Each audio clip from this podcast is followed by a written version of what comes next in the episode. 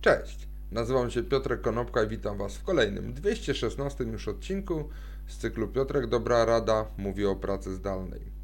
Dzisiaj powiem o 12 krokach, które według naszych indyjskich kolegów należy podjąć, aby poprawnie wdrożyć pracę zdalną.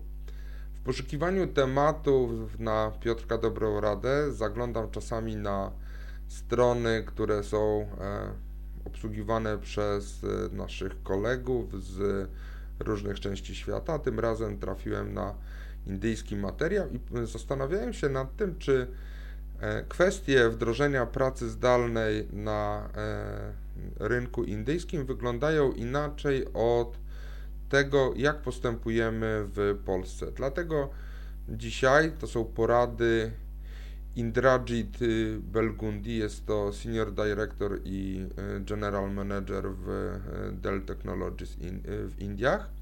To według tego człowieka 12 kroków związanych z wdrożeniem pracy zdalnej można podzielić na cztery części. Pierwsza część to są technologie, druga to jest bezpieczeństwo, trzecia to są HR-y, czyli E, zasoby ludzkie albo kapitał ludzki e, i czwartą część to można określić mianem e, mm, facilities, czyli budynki i w ogóle otoczenie takie materialne. Więc zacznijmy od technologii. Przede wszystkim zbudujmy taką strategię, która na pierwszym miejscu będzie stawiała pracownika powinniśmy zidentyfikować kluczowe persony, jak to się mówi fachowo, i opisać te kluczowe persony, tak żeby pracownicy e, wiedzieli, jakie są wymagania i jakie muszą być wykonywane e, działania, tak żeby proces działał, ale równocześnie, żeby ten, e, w każdym z tych elementów procesu na pierwszym miejscu był pracownik. Jako drugi krok to należy ocenić kwestie technologiczne czyli musimy dostarczyć pracownikowi takich technologii, jakich potrzebuje, tak żeby pracownicy mogli ze sobą współpracować niezależnie od miejsca, w którym się znajdują. Po trzecie, należy uprościć konsumpcję e, informatyczną. Co to znaczy? Po prostu jak dostarczymy e, pracownikom odpowiednie narzędzia, to te odpowiednie narzędzia powinny być nowe, powinny ze sobą współdziałać, tak żeby e, cały system był na tak prosty, jak to tylko może e, być e, w rzeczywistości.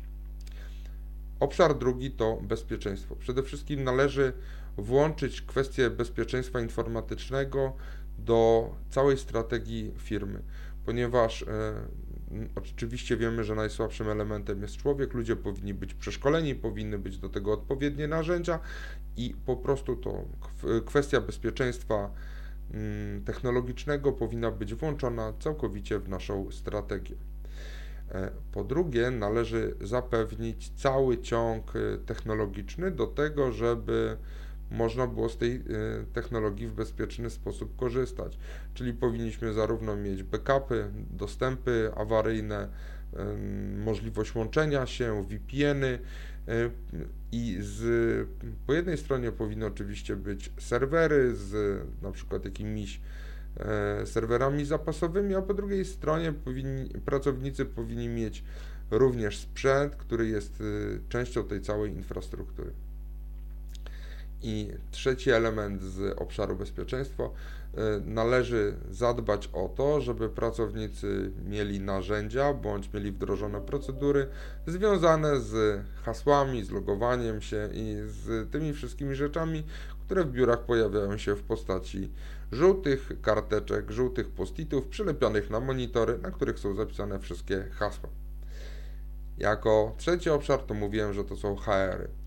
Jeżeli mamy na pierwszym miejscu pracownika, to e, w każdym z obszarów biznesowych należy zwrócić uwagę na to, żeby jeżeli tworzymy procesy, produkty, procedury, to żeby nie zapomnieć o ludziach i żeby mieć partnera w każdym z obszarów biznesowych. Kolejnym elementem jest to, że należy stworzyć i przygotować liderów oraz słuchać pracowników ponieważ liderzy powinni zostać wyznaczeni bądź wyłonieni w jakiś sposób, powinni być wyposażeni w informacje e, lub w szkolenia dotyczące tego, jak z tymi pracownikami w modelu zdalnym pracować I na samym końcu należy tych pracowników po prostu słuchać. Należy im zadawać pytania i należy ich słuchać i wyciągać z tego słuchania wnioski. Trzecim krokiem, czy trzecim elementem w obszarze HR-u, to należy zapewnić taką płynną komunikację. Ta komunikacja jest związana z tym, czy ta płynna komunikacja jest związana z tym, że pracownicy powinni mieć dostęp, czy powinni korzystać z różnego rodzaju kanałów komunikacyjnych. Cała komunikacja powinna również działać w modelu asynchronicznym, tak żeby to wszystko zapewniło e, realizację celów biznesowych, bo przecież do tego ta komunikacja służy. I na samym końcu, jeżeli mówimy o biurach, czyli o tym obszarze facilities, to warto zapewnić elastyczność i wybór fizycznego miejsca wykonywania pracy. To czy pracownik będzie pracował z domu, czy będzie pracował z jakiegoś coworku na mieście, e, czy w, będzie cyfrowym nomadą, czy zechce przyjść do biura, to ta elastyczność powinna przez firmę być zapewniona.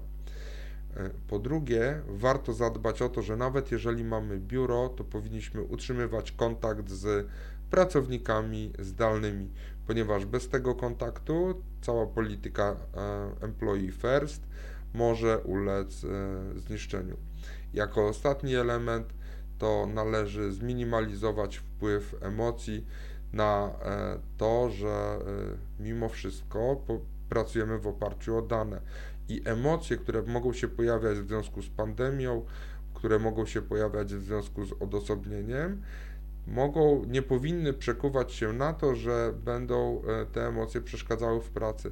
Zadbajmy o to, żeby minimalizować negatywny wpływ takich negatywnych emocji na to, co wykonujemy w pracy. Link do pełnego artykułu znajdziecie oczywiście na dole pod filmem.